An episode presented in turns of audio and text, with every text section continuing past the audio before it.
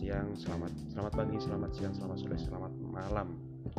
Teman-temanku yang ada di ilmu komunikasi angkatan tahun 2018 dan selamat pagi, siang, sore atau malam Ibu Ajeng selaku dosen mata kuliah CSA.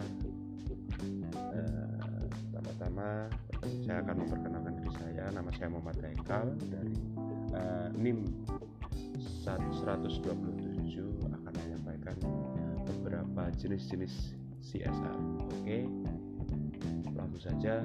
Pertama adalah cost promotion. Apa sih itu cost promotion? Cost promotion adalah uh, jenis program CSR yang menyediakan sejumlah dana sebagai bentuk kontribusi CSR atau sumber daya lainnya untuk meningkatkan kesadaran masyarakat atau awareness terhadap suatu masalah sosial atau untuk mendukung pengumpulan dana partisipasi dari masyarakat atau dalam rangka merekrut relawan atau juga bisa disebut volunteer untuk mendukung masalah sosial tersebut, perusahaan dapat menginisiasi dan mengelola sendiri kegiatan cost promotion ini seperti yang dikemukakan oleh Butler. The corporation may initiate and manage the promotion on its own. Perusahaan menjadikan program CSR cost promotion ini sebagai fokus utama dalam mewujudkan tujuan komunikasi perusahaan berikut ini. Yang pertama ada building awareness and concern. Perusahaan berusaha membangun kesadaran dan kepedulian masyarakat dengan menampilkan data statistik dan fakta seperti mempublikasikan angka gizi buruk di Indonesia. Kedua ada persuading people to find out more. Eh, perusahaan berusaha menarik minat masyarakat untuk mengetahui masalah sosial yang diangkat lebih dalam dengan web terkait, brosur, atau toolkit lain. Nah, aktivitas program CSR Cost Promotion ini pada akhirnya mampu mendorong masyarakat untuk mendonasikan waktunya, uang, atau sumber daya lainnya seperti program CSR Danon dengan program komunitas jangka panjang. Satu liter aqua untuk 10 liter air bersih yang lebih dikenal dengan program 1 untuk 10 melalui program 1 untuk 10 Danon Aqua secara proaktif dan berkelanjutan memberikan solusi terhadap permasalahan yang ada termasuk kesulitan akses air bersih di Indonesia demi mewujudkan peningkatan kebiasaan hidup sehat keluarga yang dimulai di Nusa Tenggara Timur. Oke, yang kedua kita lanjut ada cost related marketing atau CRM perusahaan yang mengimplementasikan CSR, CSR dengan jenis program cost related marketing CRM eh CRM maksud saya sorry, sorry, sorry. berkomitmen untuk menyumbangkan persentase tertentu dengan penghasilan untuk suatu kegiatan sosial berdasarkan besarnya penjualan produk Contohnya adalah program SMS Donasi Indosat. Dalam program SMS Donasi ini, pelanggan Indosat dapat memberikan donasi dengan mengetik SG dan mengirim ke nomor 5000. Secara otomatis pulsa pelanggan dipotong senilai Rp5.000 sebagai bentuk partisipasi terhadap program ini. Bila ingin memberikan nilai donasi lebih, pelanggan tinggal mengulang pengiriman SMS sesuai dengan nilai yang diinginkan.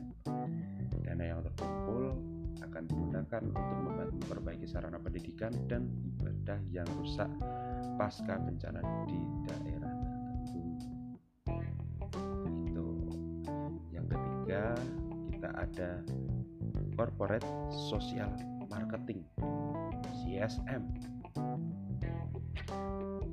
dalam program corporate social marketing, perusahaan mengembangkan dan melaksanakan kampanye untuk merubah perilaku masyarakat dengan tujuan meningkatkan kesehatan dan keselamatan publik, serta menjaga kelestarian lingkungan hidup meningkatkan kesejahteraan masyarakat. Kampanye CSM lebih terfokus untuk mendorong perubahan perilaku yang berkaitan dengan beberapa isu yakni isu kesehatan, perlindungan terhadap lingkungan, serta keterlibatan masyarakat. Nah, ini contoh CSM adalah uh, program In Safe Hands dengan kampanye nasional cuci tangan pakai sabun yang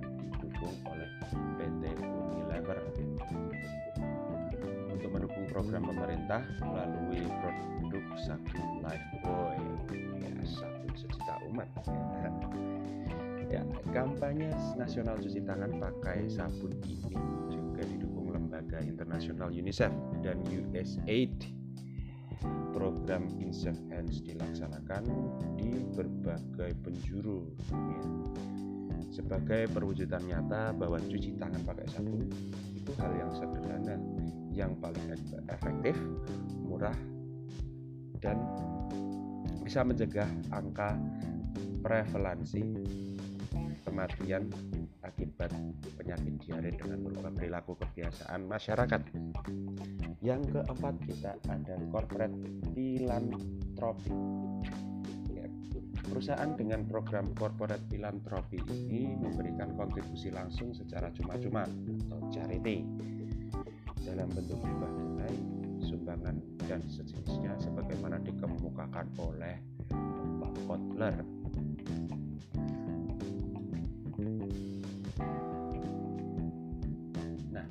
Korporat filantropi pada umumnya berkaitan dengan masalah sosial yang menjadi prioritas perhatian perusahaan.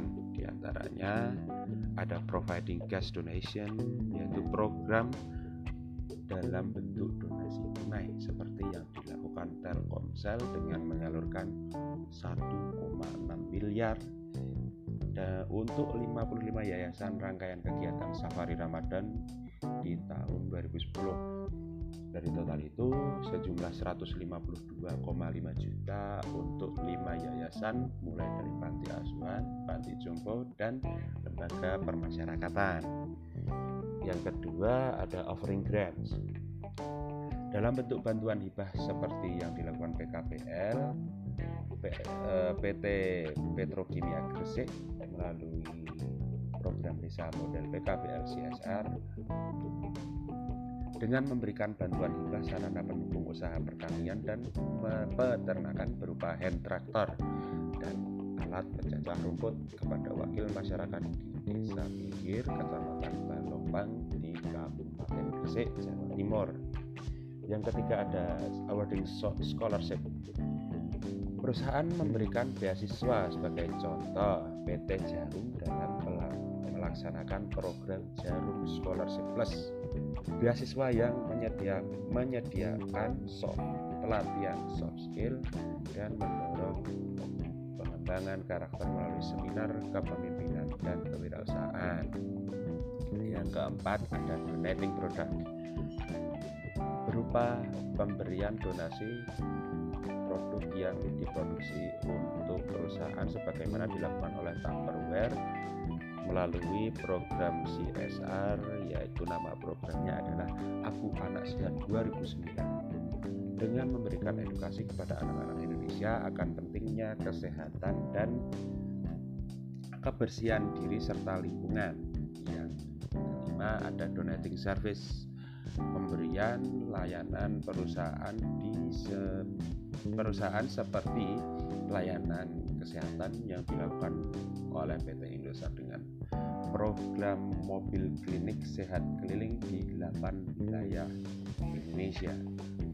Yang keenam, ada providing technical expertise and offering use equipment yaitu pemberian kontribusi program dengan jasa keahlian dan pemakaian peralatan secara cuma-cuma.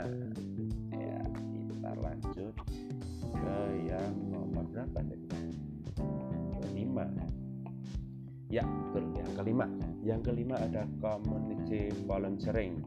Melalui program community, community volunteering perusahaan mendukung serta mendorong para karyawan, para pemegang franchise atau rekan pedagang eceran untuk menyisihkan waktu mereka secara sukarela guna membantu organisasi masyarakat lokal maupun masyarakat yang menjadi sasaran program.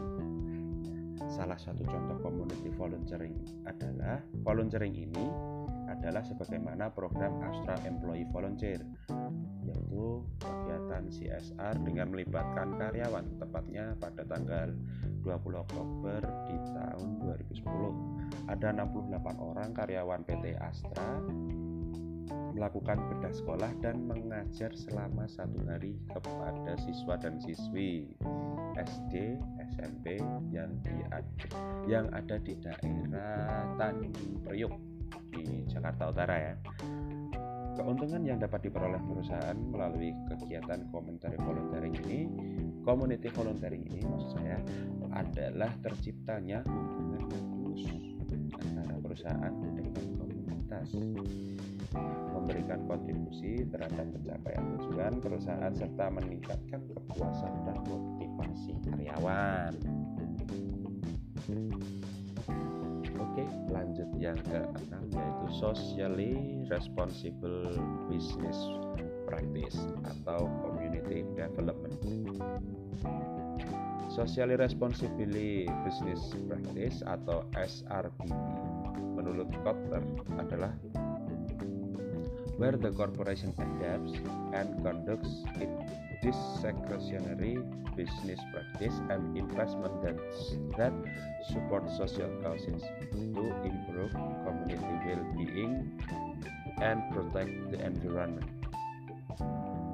Nah, perusahaan telah melakukan praktek bisnis melampaui standar etika yang telah ditetapkan berdasarkan regulasi.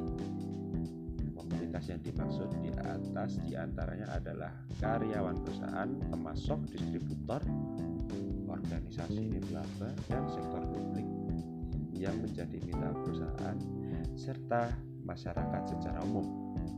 Kesejahteraan yang dimaksud adalah kesehatan, keselamatan, serta pemenuhan akan kebutuhan psikologis dan emosional. Uh, eh, SRBP ini mencakup banyak hal. Ya, yang pertama, uh, design facility yang membuat fasilitas yang sesuai dengan standar keamanan yang direkomendasikan.